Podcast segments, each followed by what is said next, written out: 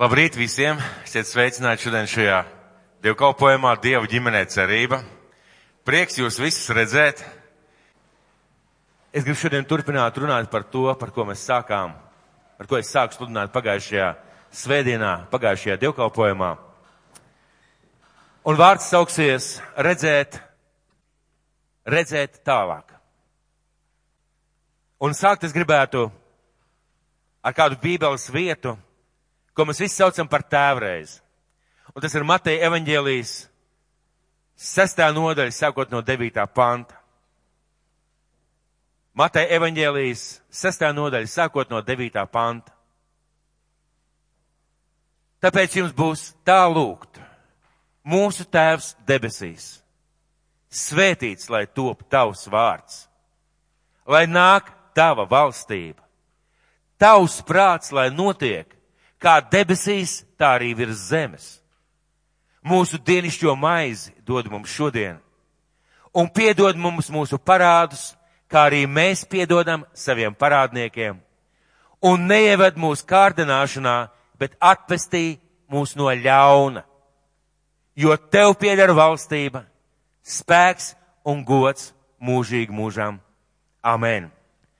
Šo lūkšanu mēs saucam par tēvreizi Un ja es mācīju savus mācekļus lūgt pēc tam, kad viņi redzot viņa kalpošanu un redzot, cik ļoti Dievs klausa Kristu, cik ļoti lielu brīnumu un zīmes notiek, viņi saprata, ka viņu garīgā pieredze, ja viņu lūkšana pieredze bija tik, e, ir tik niecīga salīdzinājumā ar to, kā lūdz Kristus, varbūt tik farizeiska vai reliģiska, ka viņi saka savam skolotājiem, māca mums Dievu lūgt. Māci mums Dievu lūgt. Un šodien es gribētu turpināt runāt par to, cik svarīgi cilvēkam ir zināt savas dzīves individuālo mērķi Kristu, savas dzīves uzdevumu Kristu, savu aicinājumu Kristu. Es jau gribētu runāt par to, ka cilvēkam, kurš ir Dieva bērns, ir jāzina, kāpēc Dievs man laidis pasaulē, un kāpēc, un ko, un kādā veidā man savā dzīvē vajadzētu darīt. Runāt par to, cik svarīgi ir, lai katra Dieva bērna dzīvē būtu šī vīzija, jeb redzējums, jeb mērķis, uz ko mēs dzīvē tiecamies. Runāt par to, cik svarīgi ir ticībā spēt redzēt savā priekšā tās lietas, kur vēl nav, bet kuras Kristus ir ieplānojis un iecerējis un uz kurām mums būtu jātiecās. Un uh, vīzija, redzējums, tas nav varbūt tas, ar ko kādreiz mēs saprotam kādu sapni, ko mēs redzam naktī, Mēs varam redzēt kādreiz kā naktī kādu sapni un mēs to saucam par vīziju vai par redzējumu. Tas nav varbūt vīzija vai redzējums, nav tas, ko es redzu kādreiz. Vienkārši uh, ejot pa ielu, pēkšņi kaut kādu bildi savās acīs ieraugu vai iztēlojies. Tas nav tas. Redzējums, ja vīzija ir tas, ko es redzu savā dzīvē, piepildamies kā nākotne, kā lietas, uz kurām Dievs mani aicina, kā lietas, kuras esmu aicināts darīt. Tas ir ārkārtīgi svarīgi saprast starpību starp vīziju, par ko es runāju, un varbūt vīziju pēc, pēc varbūt grūtāka sapņa. Kas ir vīzija? Tad vienkārši jautājums, kas ir vīzija? Vīzija, jeb, jeb redzējums vai mēķis ir tas, ko tu savā garā, savā sirdī redzi savā nākotnē, pirms tā piepildīšanās. Ko tu redzi pirms tā piepildīšanās atbilstoši tavam individuālajam uzdevumam, ko Dievs tev ir devis. Vīzija ir spēja ieraudzīt ticībā to, kā vēl nav, bet kas būs un lai pēc tā tiektos. Redzēt to, kā vēl nav, bet uz ko Dievs tev aicina, lai pēc tā tiektos. Es lasīju tēvreiz, un mēs esam daudzkārt lūguši šos vārdus un teikuši varbūt kādās not, kādos notikumos vai, vai arī paši varbūt lūdzam vakarā pirms gulētiešanas vai no rīta. Un es lasīju tēvreiz, un tajā Kristus aicina lūgt. Un uh, ir tāda, tāda vārdi, lai no, desmitais pants, lai nāk tava valstība, tavs prāts, lai notiek kā debesīs, tā arī virs zemes. Viņš mums māca lūgt, tavs prāts, lai notiek kā debesīs, tā arā, arī virs zemes. Bet kāds ir Kristus prāts manā dzīvē? Ir vienkārši pateikt vārdus, lai notiek tavs prāts, kā debesīs, tā arī virs zemes, tādā vēlējuma formā. Bet kāds ir Kristus prāts manā dzīvē? Tā es varu lūgt par brāli vai par māsu, ja es nezinu, kā, kā viņam dzīvot vai ko viņam darīt. Bet, kad es lūdzu par sevi, man ir jautājums, kas paceļās automātiski. Kāds ir Kristus prāts manā dzīvē? Kam vajadzētu notikt tiem viņa ceļiem? Un vai man vajadzētu zināt, ko Dievs ir paredzējis manā dzīvē? Vispirms manā dzīvē, un man jāmeklē, un man jāatrod mans individuālais ceļš. Tālāk kāda no pantiem 13. pants, un neived mūsu kārdināšanā, bet atpestī mūs no ļauna. Neived mūsu kārdināšanā, bet atpestī mūs no ļauna. Ticiet vai nē. Bet nezināt savu individuālo aicinājumu. Mērķi no Dieva, tas ir ļaunums.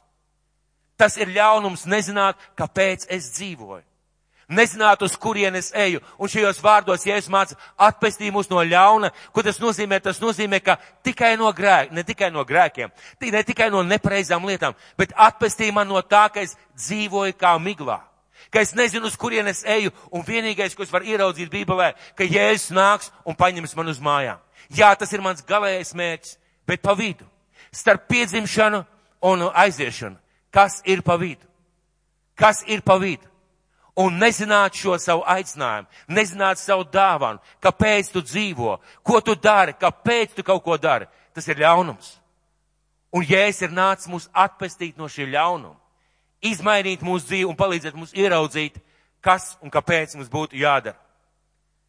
No daudz kā Jēzus mūs jau ir atpestījis, no daudz kā, no grēka verdzības, no nepareizām lietām savā dzīvē, no mūžīgās nāves, Bet, mīļie draugi, kad Jēzus atpestīja man no mūžīgās nāves, vai nākošā dienā es jau zināju, kāds ir mans aicinājums? Vai pēc mēneša es zināju, ko Dievs man aicina manā dzīvē darīt? Vai mūsu dzīve, kā Dieva bērnu dzīve, ir vienkārši nejaušu notikumu ķēde, kurā es nevis eju šiem notikumiem cauri, saprotot, uz kurienes virzot, bet vienkārši reaģēju no notikuma uz notikumu? Vai tā varētu būt ar Dievu, kurš ir mūžīgs, kurš ir visu gudrs, visspējīgs un kurš ir zinošs un kurš pateica, ka visas mūsu dienas jau ir ierakstīts viņa grāmatā, pirms mēs bijām radīti. Tā vienkārši nevarētu būt. Kad mēs nokritam Kristum, viņš neatņem mums mūsu individualitāti. Viena svarīga lieta, jeb atziņa, ko mums būtu jāsaprot no Dieva vārda, no Kristus vārda priekš mums, viņš neatņem mums mūsu individualitāti, mūsu unikalitāti, taisni otrādi viņš grib, lai šīs lietas, tas, kas es esmu radīts, tāds, kāds es esmu radīts, lai tas uzplaukst manī, lai atkrīt nepareizās lietas, kas man bojā, lai atkrīt grēki, nepareizas reakcijas vispārējais, bet lai tas, kāds es esmu, lai tas uzplaukst manī, lai tas uzplaukst manī kā zieds, lai mēs atrodam to dāvanu, ko Dievs ir ielicis mūsos, un nezināt to dāvanu, nezināt dāvanu, ja nezināt to mērķi, jeb to aicinājumu, kāpēc es esmu piedzimis, šajā laikā un šajā vietā, tas ir ļaunums. Tas tiešām ir ļaunums, jo, kad mēs skatāmies šobrīd gan kristīgajā pasaulē, gan neticīgu cilvēku pasaulē, ja cilvēks nezina, kur viņš iet, viņš dodas kā pamigli, un tas ir ļaunums.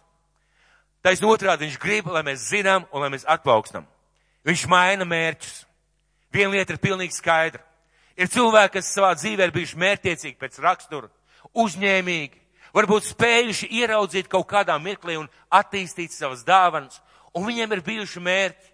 Nopelnīt daudz naudas, kļūt par profesoru, labi aprecēties, nodzīvot bagātu dzīvi, uzbūvēt māju, un tajā mirklī, tajā mirklī, kad mēs piedzīvojam Kristu, kad mēs atdodam viņam savu dzīvi, Dievs mums atklāja to dārgakmeni, kas ir mūsos savādākā šķautnē, lai mēs savu dzīvi nodzīvotu Kristu lai mēs savu dzīvi veltītu viņam. Viņš izmaina mūsu mērķi, kām dēļ mēs dzīvojam, bet viņš nekādā gadījumā nepaņem projām mūsu individualitāti, mūsu individualitāti un unikalitāti. Un es gribētu jūs aicināt uz vārdiem, kurus svētais gars deva Pāvilam Efeziešiem. Lai viņš uzrakstītu viņus Efeziešiem, vēstulē Efeziešiem, 4. nodaļa. 4. nodaļa no 17. līdz 24. pantam. Tad Pāvela vēstule Efeziešiem 4. nodaļa no 17. līdz 24. pantam. Tad nu es jums piekodinu, tas kungs ir mans liecinieks, vairs nedzīvo tā kā pagānu tautas dzīvo sava sirdsprāta tukšībā. Nezināšanas dēļ, kas ir viņās, un savas sirds trulības dēļ aptumšojušās savā garā un atsvešinājušās no dievišķās dzīvības. Zaudējušas kauna jūtas un sākuši nodoties izvērtībai, sagandādamas savu dzīvi ar visādiem netiklības darbiem un mankārību. Bet sludinot Kristu, jums tādas lietas nav mācīts. Turpretīm jums par viņu stāstīts un mācīts tā, kā tas ir patiesi Jēzus garā. Ka līdz ar agrākās dzīves veidu jums jāatmet vecais cilvēks, kas savu kāru gribu pievilc, iet bojā, un jāatjaunojas savā sirdsprātā un garā, un jāapģērb jaunais cilvēks, kas radīts pēc Dieva patiesā taisnībā un svētumā. Patiesā taisnībā un svētumā. Parasti šo vietu Mēs sakām un runājam vai lasām, mēs domājam par to grēcīgo pasauli, kas tur ir ārā, par tiem cilvēkiem, kur dzīvo grēkam, dzīvo sev, visādām nepareizām lietām. Bet ir viens iemesls, kāpēc šie cilvēki tā dzīvo. Un manuprāt, šī bībeles vieta ļoti skaidri parāda.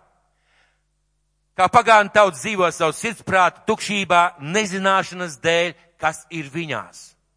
Šie cilvēki vienkārši nezin, ka ir Dievs Šie cilvēki vienkārši nezina, ka ir kaut kas vērtīgāks, cēlāks, uh, svarīgāks, nopietnāks par to, kā dzīvot priekš tevis, sevis.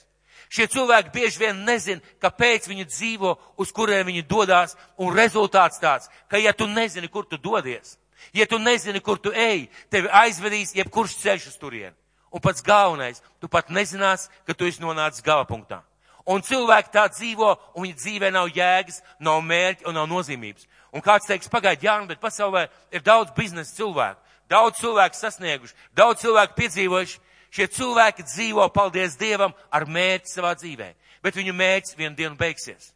Mums Dieva bērniem ir iespēja dzīvot ar mērķi savā dzīvē, kas nebeigsies, bet ievedīs mūsu mūžībā kas dos mums to balvu, to atalgojumu, ko Dievs mums ir paredzējis par, par kalpošanu, par mīlestību uz viņu.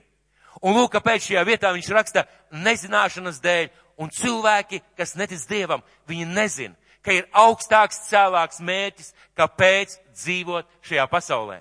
Kā rezultāts, cilvēks meklē apmierinājumu tikai priekš sevis. Ne tāpēc, ka viņš ir varbūt ir ļauns, jā, cilvēkā ir grēks, Ne tāpēc, ka viņš ir vienkārši ļauns, bet tāpēc, ja tu nezini, uz kurien tu ej, tev dar viss. Šodien, šeit un tagad tev dar vienkārši viss. Un tieši tāpēc ir rakstīts, atsevišķinājušās no nežināšanas dēļ, kas ir viņās, savas sirds trulības dēļ, aptumšojušās savā garā un atsevišķinājušās no dievišķās dzīvības. Zaudējuši kaunas ejūtas un sākuši nodoties izvērtībai sagandādams savu dzīvi ar visādiem netikliem darbiem un mankārību. Dabisks rezultāts. Dabisks rezultāts, ja tu nezini, uz kurien tu ej. Ja tu nezini, kāpēc tu dzīvo.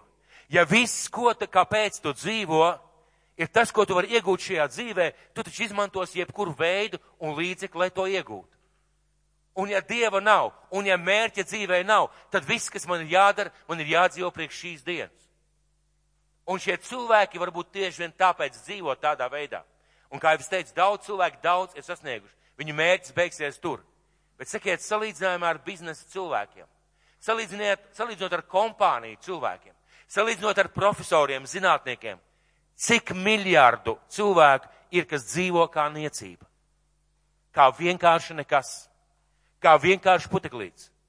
Cik miljardiem cilvēku strādā savā dzīve, savā, savā darba vietā piecas dienas, lai sestdien, svētdien uzelpotu un beidzot darītu to, kāpēc viņi jūtās labi. Beidzot darīt to, kāpēc viņam liekas viņa dzīvo. Tas nozīmē, ka cilvēks dzīvo piecas dienas nedēļā vai, vai vergojiet, varētu teikt, tāpēc, lai sestdien, svētdien beidzot ierautu gaisu elpa un darītu to, kas viņam patīk.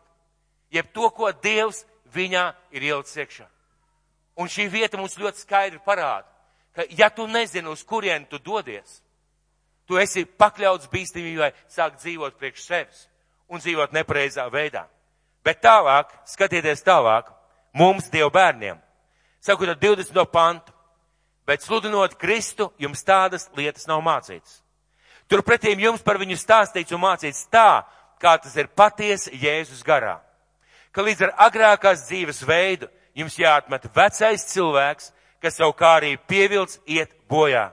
Un jāatjaunojas savā sirds prātā. Un jāatjaunojas savā sirds prātā un garā. Ko tas nozīmē? Sirds prātā un garā. Jā, esmu atmetis grēkus. Esmu atmetis nepreizes lietas. Es atmetu to, ko es zinu, kas ir skaidri grēks. Bet jāatjaunojas garā. Ko tas nozīmē? Man ir garīgi jāsaprot Dieva radīšanas plāns. Man ir garīgi jāsaprot, kāpēc Dievs man radīs, kā Viņš man radīs, kādiem mērķiem Viņš man radīs. Un kas ir mana unikālā vienreizējā dāvana? Kāpēc Dievs man laid šajā pasaulē un mans uzdevums tikai priekš manis? Mans uzdevums tikai priekš manis.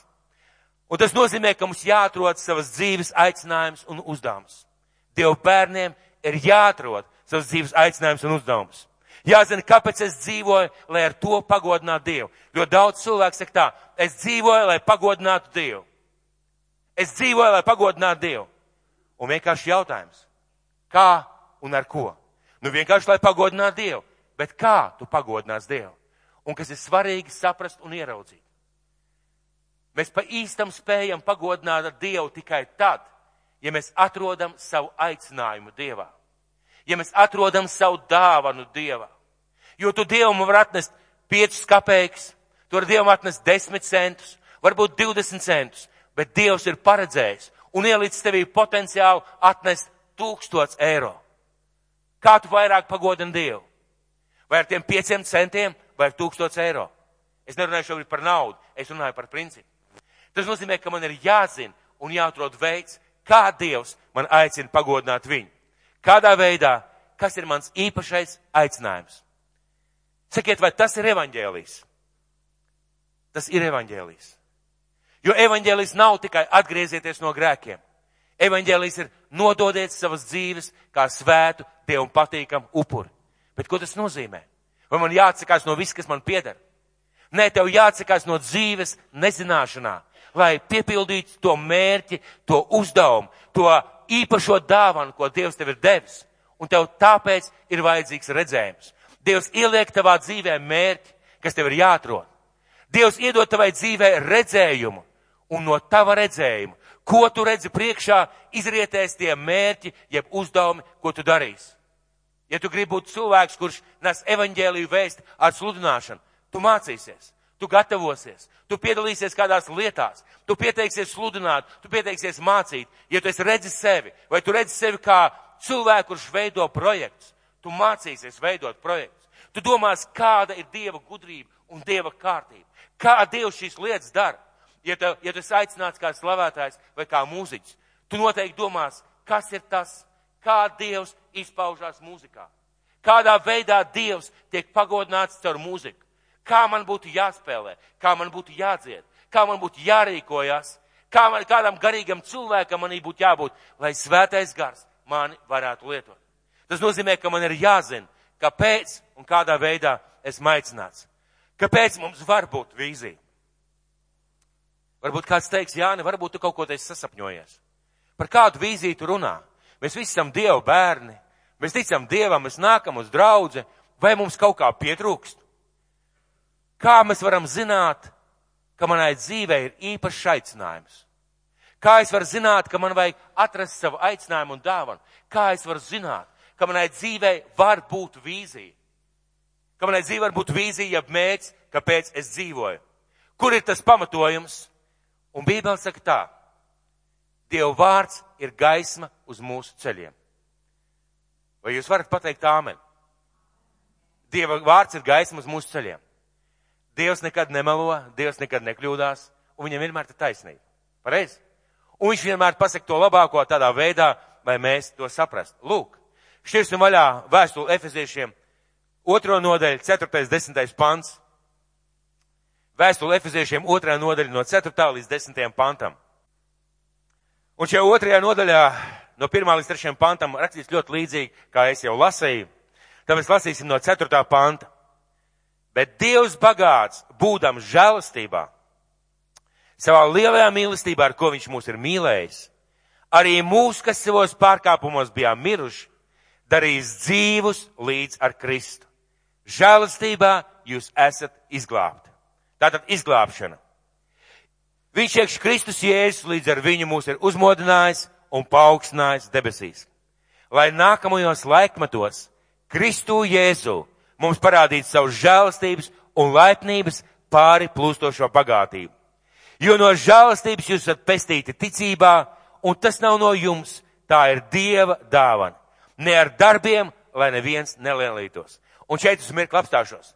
Šī vieta saka, ka Dievs bagāts būdams žēlastībā ir mūs žēlojis, sūtījis savu dēlu, un caur viņa dāvanu, caur viņu upuru mēs esam izglābti. Ne ar darbiem. Mēs netiekam glābti ar darbiem.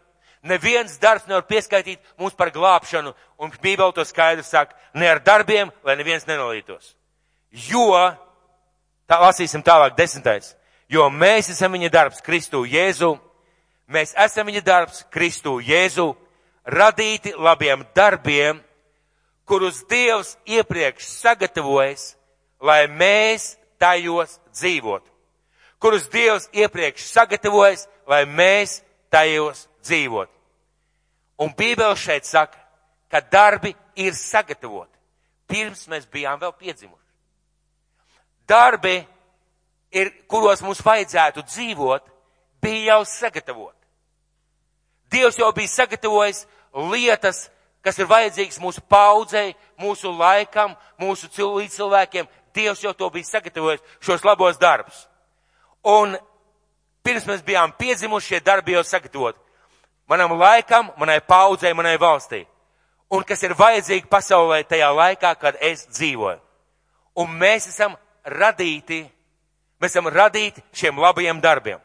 Lai tajos dzīvot. Mēs zinām, ka katrs darbs ir unikāls. Kāds šis dar sagatavotais darbs ir unikāls? Vai var vienādi paspiest viens otram roku? Vai var vienādi pasmaidīt? Vai var vienādi kaut ko uzbūvēt, pieskrūvēt, sakārtot, salikt? Patiesībā katrs darbs, ko mēs esam aicināti darīt, viņš ir unikāls. Un šī vieta Bībelē saka, ka Dievs ir sagatavojis unikālus darbus tam laikam, kurā tu dzīvo. Jo tu nepiedzimsti izplatījumā vai nekonkrētā laikā. Bībeli saka, ka mēs piedzimstam tajā laikā un tajā vietā un tajā tautā, kurā Dievs ir paredzējis. Un tad viņš ir sagatavojis darbus tam laikam un tai vietai, kuros, lai es dzīvoju. Un ziniet, ja katrs aicinājums, ja katrs darbs ir unikāls, darbiem vajag unikāls cilvēkus.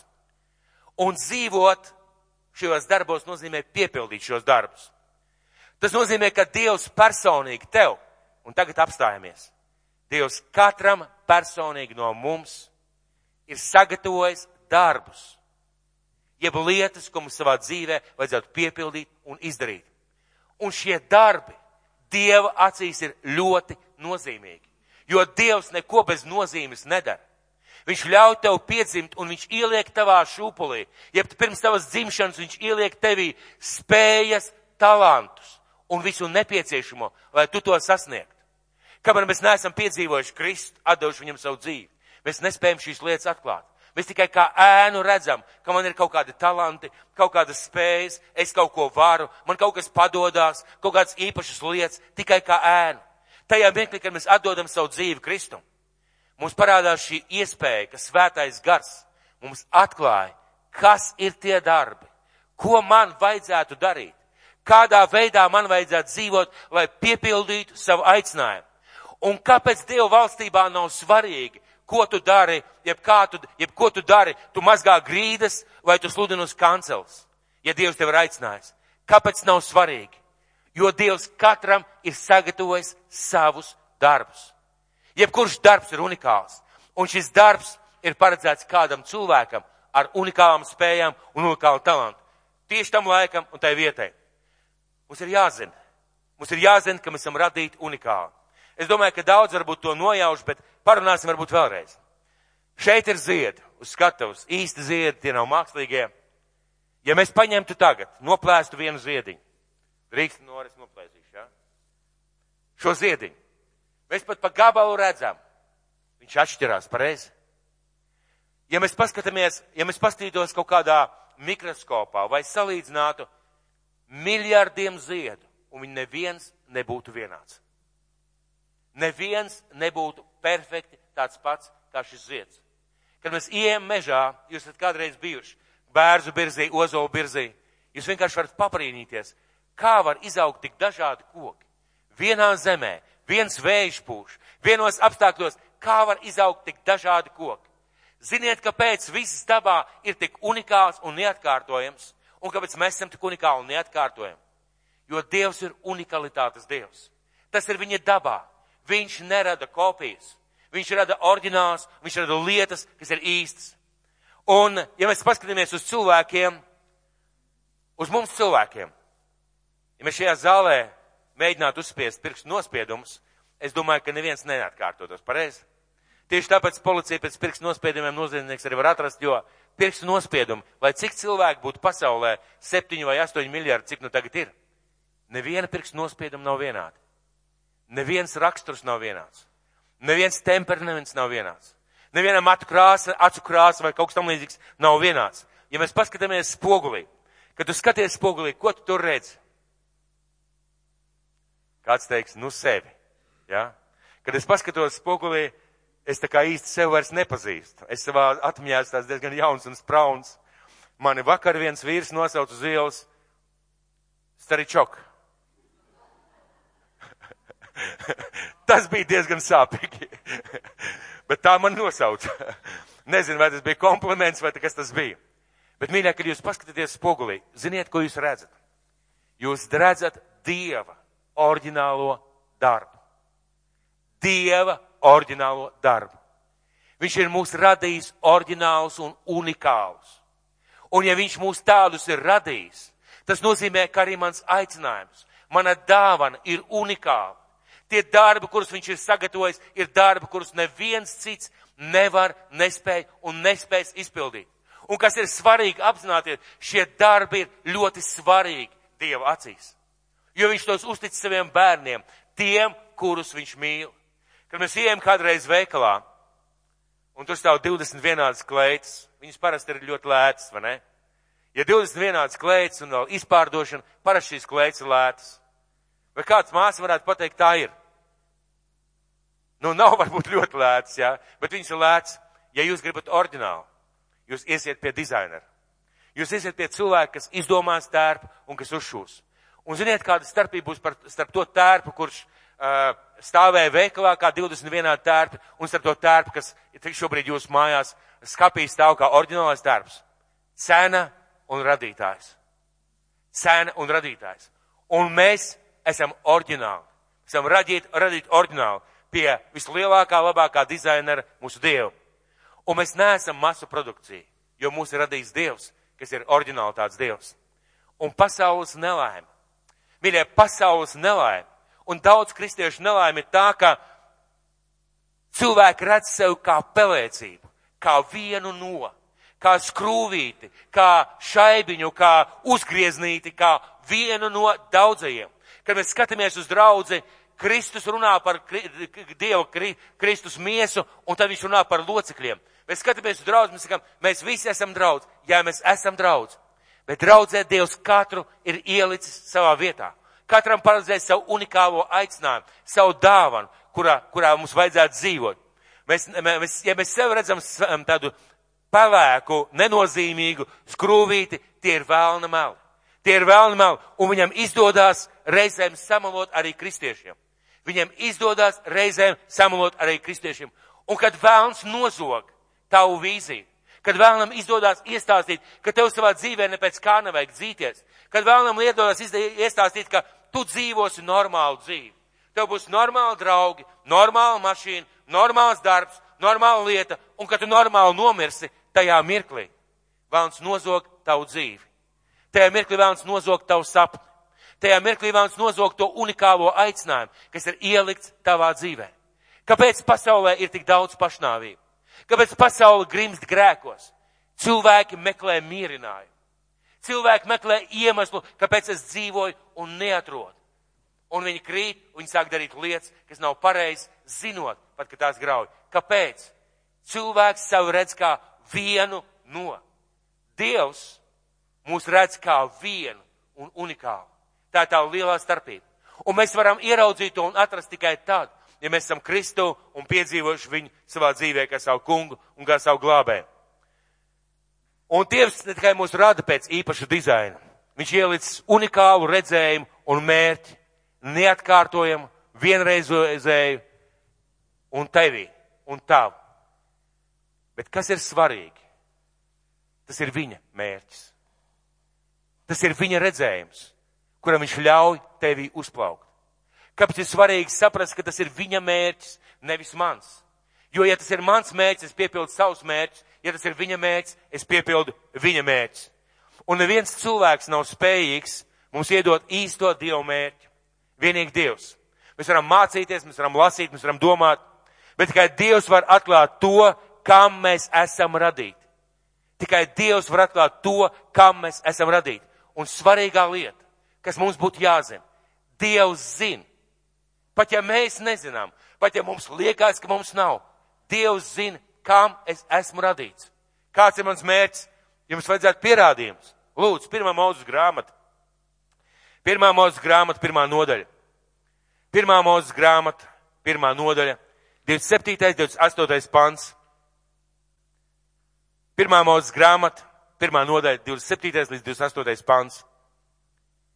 Mēs zinām šo stāstu. Esam dzirdējuši, daudzkārt lasījuši, bet izlasīsim vēlreiz un ieraudzīsim kaut kādu īpašu niansu.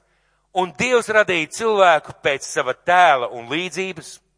Pēc sava tēla viņš to radīja vīrieti un sievieti viņš radīja.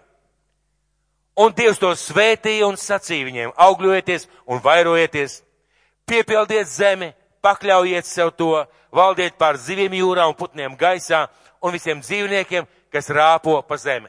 Lūk, pirmā cilvēka vīzija, kur pasaka Dievs. Un tagad sakiet man lūdzu, Ja cilvēks staigāja kopā ar Dievu, ja Dievs tikko bija radījis cilvēku un Dievs bija pilnīgā kontaktā ar Dievu caur savu garu, ja viņš bija Dieva klātbūtnē, bija vēl ēdienas dārzā, kāpēc Dievam vajadzēja pateikt, lūk, ko tev vajadzētu darīt? Kāpēc Dievam vajadzēja pateikt, lūk, ko tev vajadzētu darīt? Augļojieties, vairojieties, piepildiet zemi, pakļaujiet un vadiet. Kāpēc? Ādam un Ievai tas bija jāzina, un tas man parāda vienu lietu, ka tikai Dievs man var pateikt. Bet ja es nemeklēju, pirmkārt, ja es nezinu, ja es dzīvoju kā pavēka kristīga skrūvīte, kur nesā krustiņu kaklā, ja es aiziešu uz debesīm, ja es nedzīvošu grēkā, ja es aiziešu uz debesīm, ja es centīšos darīt kādus labus darbus, bet, ziniet, pienāk manā, manā, var pienākt manā dzīvē kāds mirklis, kad es sākšu justies kā skrūvīte un parādīsies jautājums.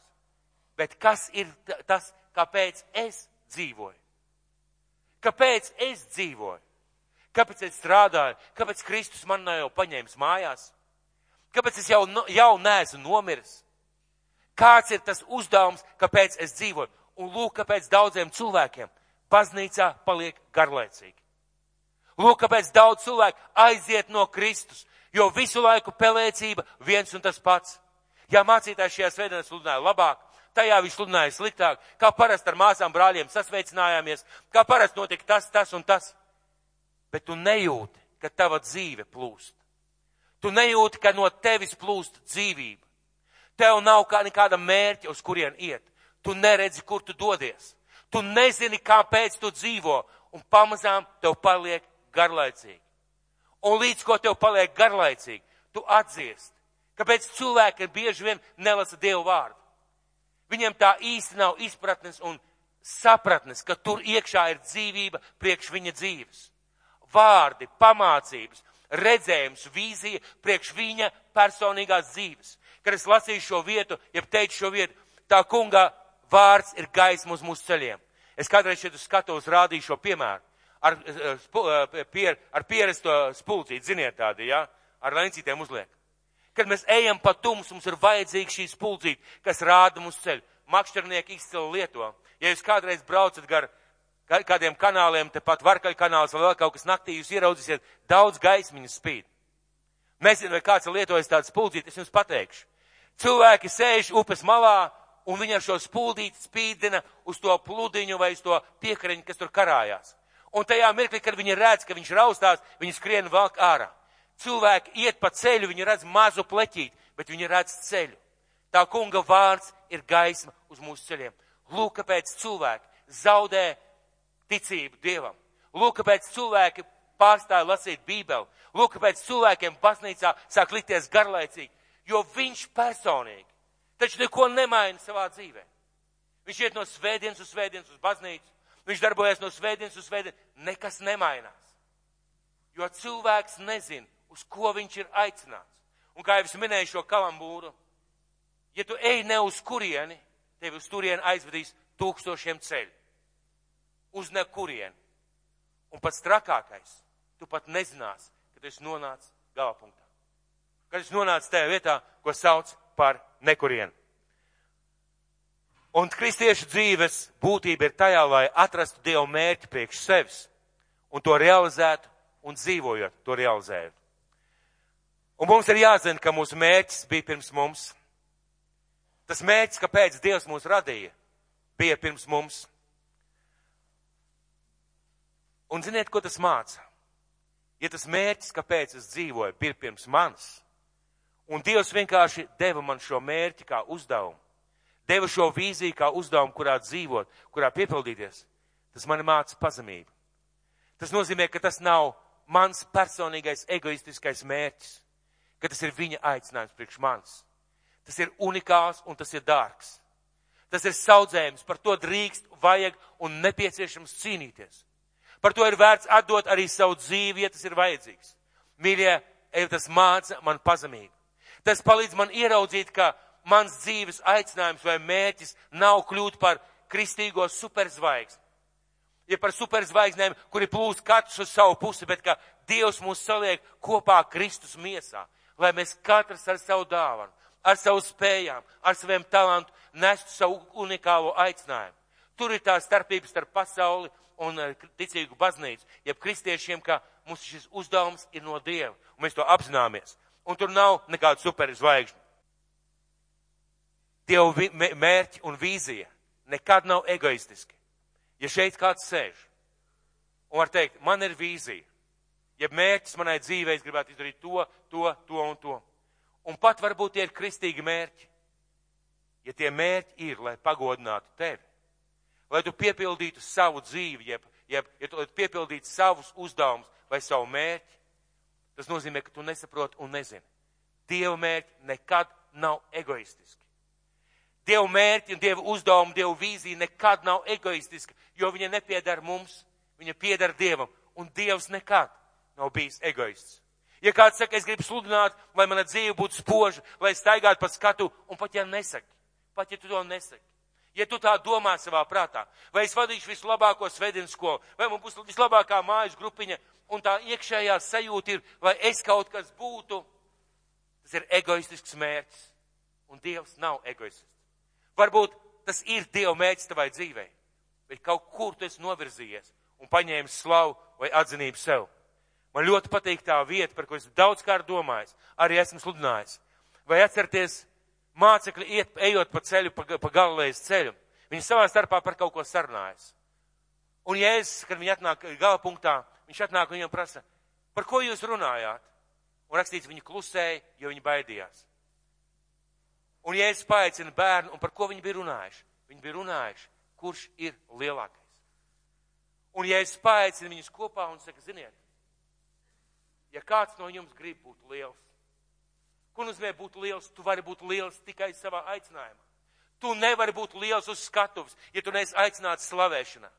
Tu nekad nevari būt par izcilu sludinātāju, ja tu esi aicināts kā bērnu skolotājs vai es nezinu kādā citā sfērā.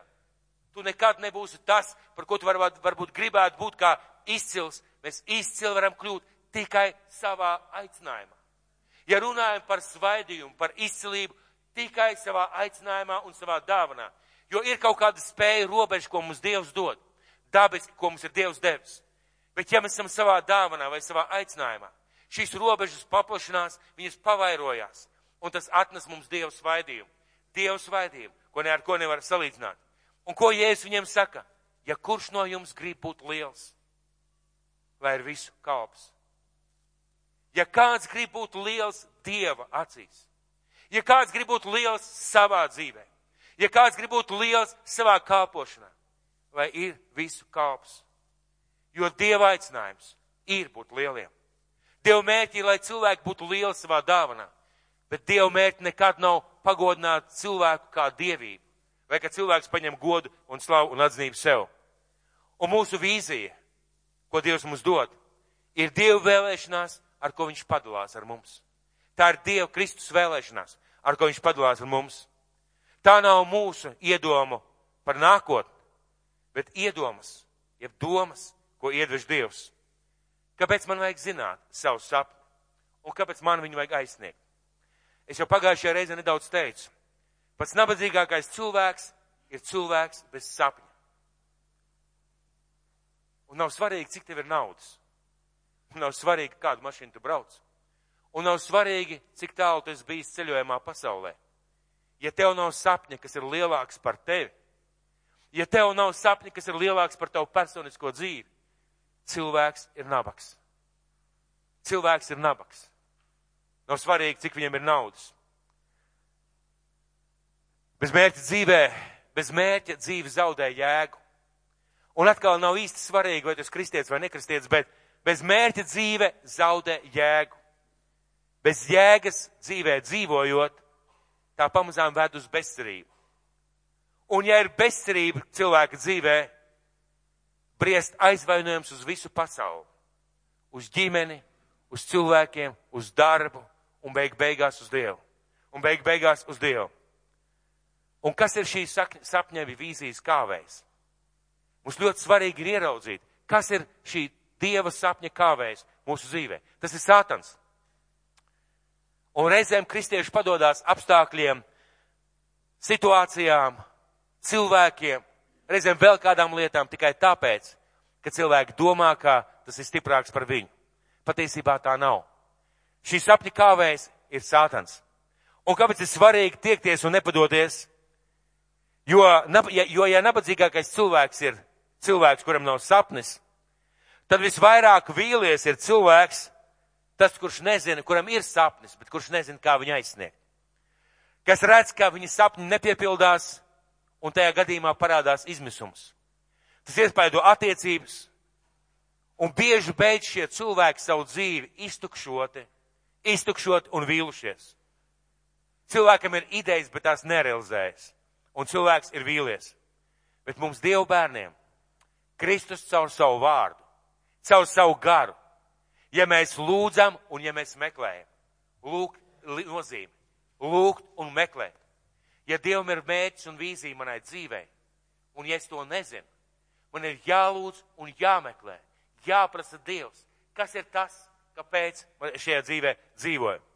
Un uh, mums jālūdz un jāmeklē un jāatklāj savus mērķus. Un lai Dievs dod mums dzīvē redzējumu, ja vīzija, kāpēc mēs dzīvojam, redzēt savu nākotnu uz priekšu, dod gudrības un so, gudrību un soļus, kā sasniegt šo mērķi kā dzīvot šajā vīzijā, dod izturību pārvarēt visas grūtības un dod gandarījumu sajūtu izbaudīt šo skrējienu. Dod gandarījumu sajūtu izbaudīt šo skrējienu. Es nezinu, vai jūs atceraties tādus prediķi, kur runāja Jānis Garsals pie mums, ka viņš bija šeit. Viņa tēma bija cieni procesu. Es joprojām atceros viņa vārdus, ka viņš runāja par Jēkabu, par Jāzepu, atceros, atvainojos, par Jāzepu cik jāzmam gāja grūti, cik sarežģīti. Un viņš teica, cieni procesu, ko Dievs tevi veids. Cieni to darbu, ko Dievs dara ar tavu, tevi. Jo šim darbam ir jēga un nozīme nākotnē. Un šī te iešana kopā un darīšana dod gandrību sajūtu izbaudīt šo skrējienu. Un mums katram sev vajadzētu uzdot jautājumu, kāds varētu būt manas dzīves mērķis, kāda varētu būt manas dzīves vīzija. Jautājums ir, vai to ir iespējams piedzīvot, vai to ir iespējams sasniegt? Vai ir iespējams piedzīvot, ka Dievs iedod šo mērķi, vai ir iespējams to sasniegt? Ja Dievs to ir devis, tas nozīmē, ka garīgajā pasaulē viņš jau redz to piepildīt. Jo Dievs neko nedara bez jēgas. Dievs redz to garīgajā sfērā jau piepildīt. Ja Dievs tev dod kādu sapni, darīt kādas lietas, un tev liekas, ir neiespējami, Bet, ja tu esi pārliecināts, ka tas ir no Dieva, tas nozīmē, ko, ka Dievs to jau ir realizējis. Garīgā pasaulē tas jau pastāv, jo Dievs sauc vārdā to, kas vēl nav. Garīgajā pasaulē tas jau pastāv, un to mums vajadzētu atcerēties. Un ir Dieva mērķis un vīzija.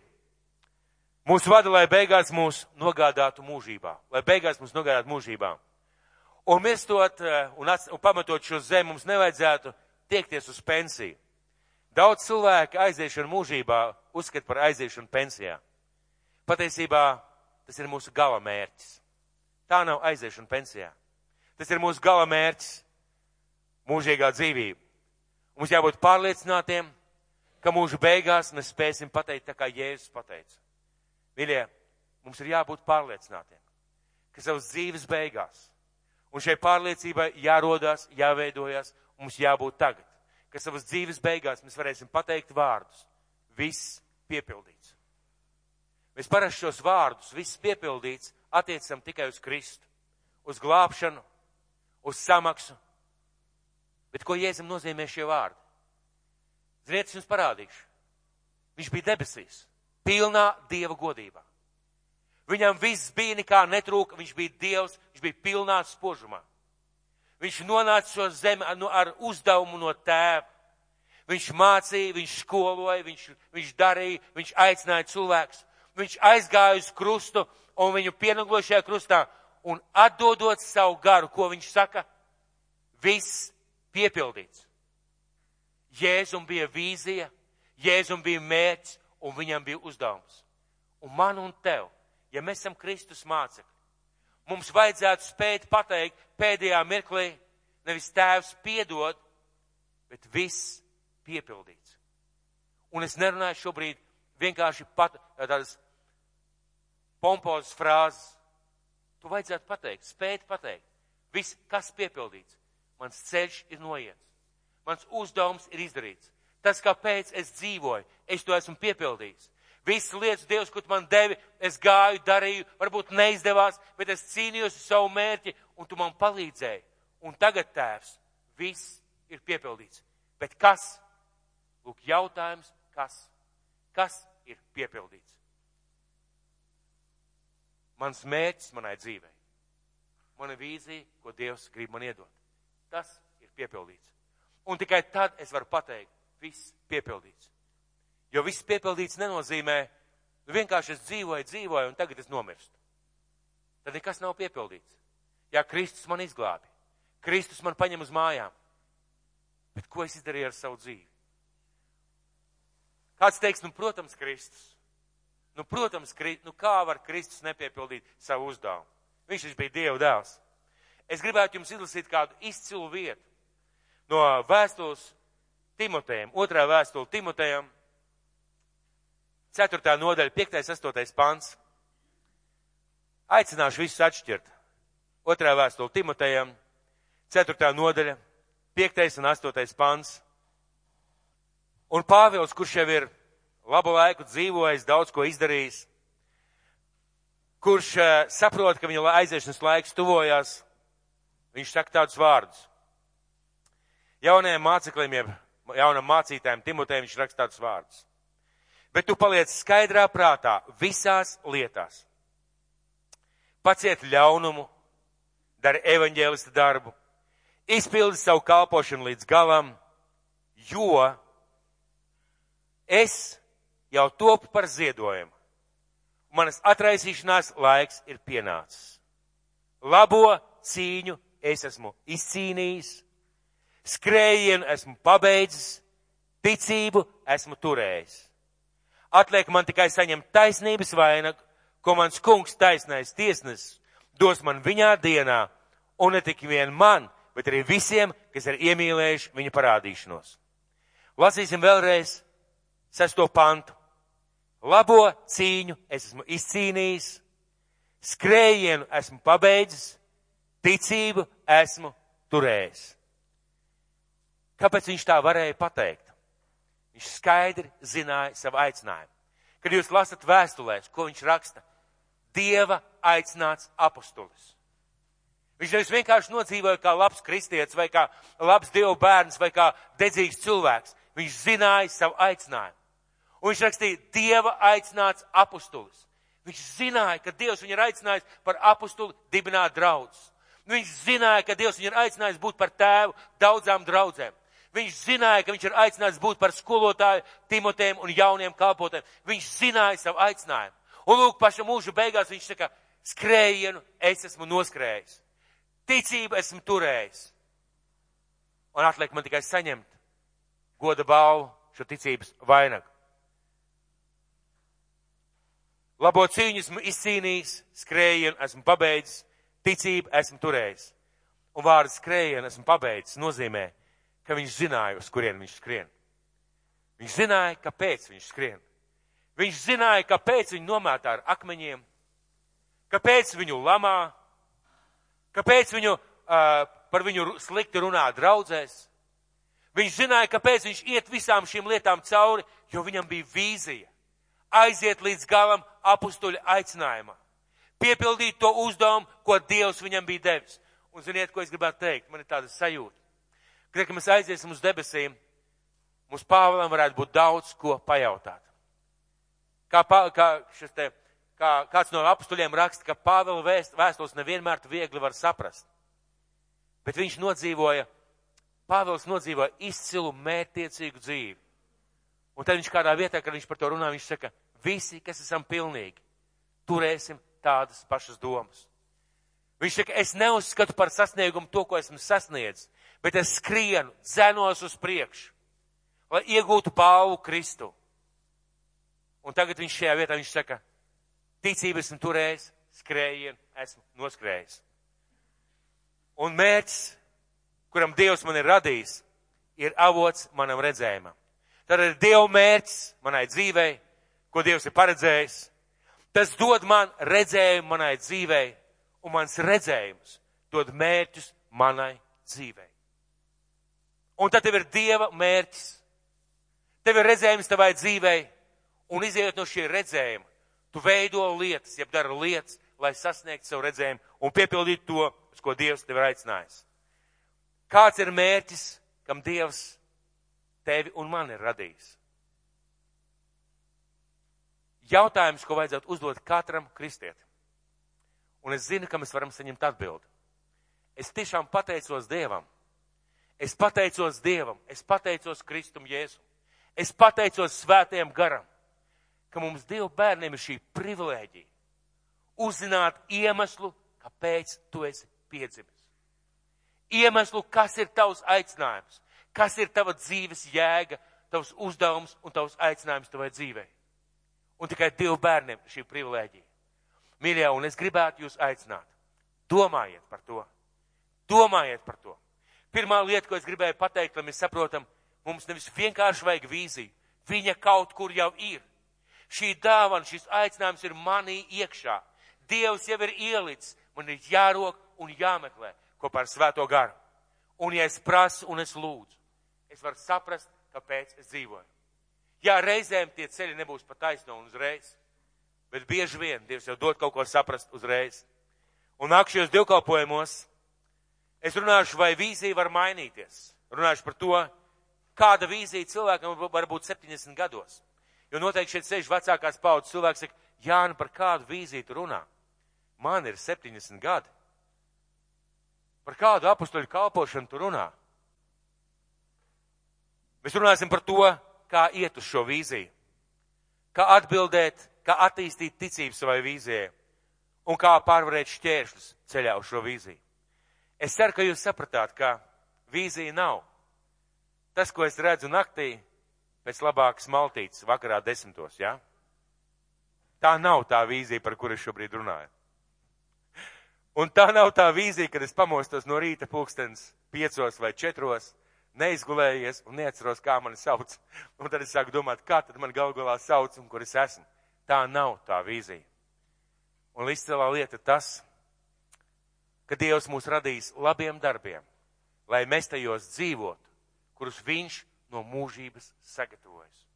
Un šajā vietā ik viens cilvēks, kas šeit sēž šeit, ir potenciāls cilvēks ar vīziju ir potenciāls cilvēks ar dzīves mērķi. ir potenciāls cilvēks, lai savas dzīves beigās varētu pateikt, savu skrējienu es esmu noskrējis. Mēs varam skatīties uz citiem, bet vai nebūtu labāk, ja mēs tā dzīvotu? Debes Tēvs, es tev pateicos par tavu vārdu. Kungs, es tev pateicos par tavu vārdu, un es tev, tev pateicos, ka tu esi atpestījis mūs no ļaunuma, nezināt savu dzīves mērķi. Es tev pateicos, mīļais Kristu, ka mums nav jādzīvo, kā dzīvo vispārējā pasaule, domājot tikai par šodien, jo neredz rītdienu. Tēvs, es tev pateicos par to, ka domājot par rītdienu, mēs varam domāt nevis egoistiskos, sautīgos mērķos un nolūkos, nevis kā superzvaigznes, bet domāt par taviem mērķiem savā dzīvē. Kungs, mēs tev pateicamies. Un debes tēvs, svētī, kungs, lai šis vārds ir kā apās pusēs griezīgs zobens. Tēvs, lai viņš neļauj mierīgi dusēt, lai viņš neļauj mierīgi ļauties straumē, lai viņš neļauj debes tēvs vienkārši atlaisties garīgajā divāniņā, ka es vienkārši Dievu bērns. Nē, tēvs, es tev lūdzu, kungs, lai šis vārds, lai šis vārds par vīziju maina cilvēku dzīves. Kungs, svētīgi vien šajā vietā. Jēzus Kristus vārdā. Āmen!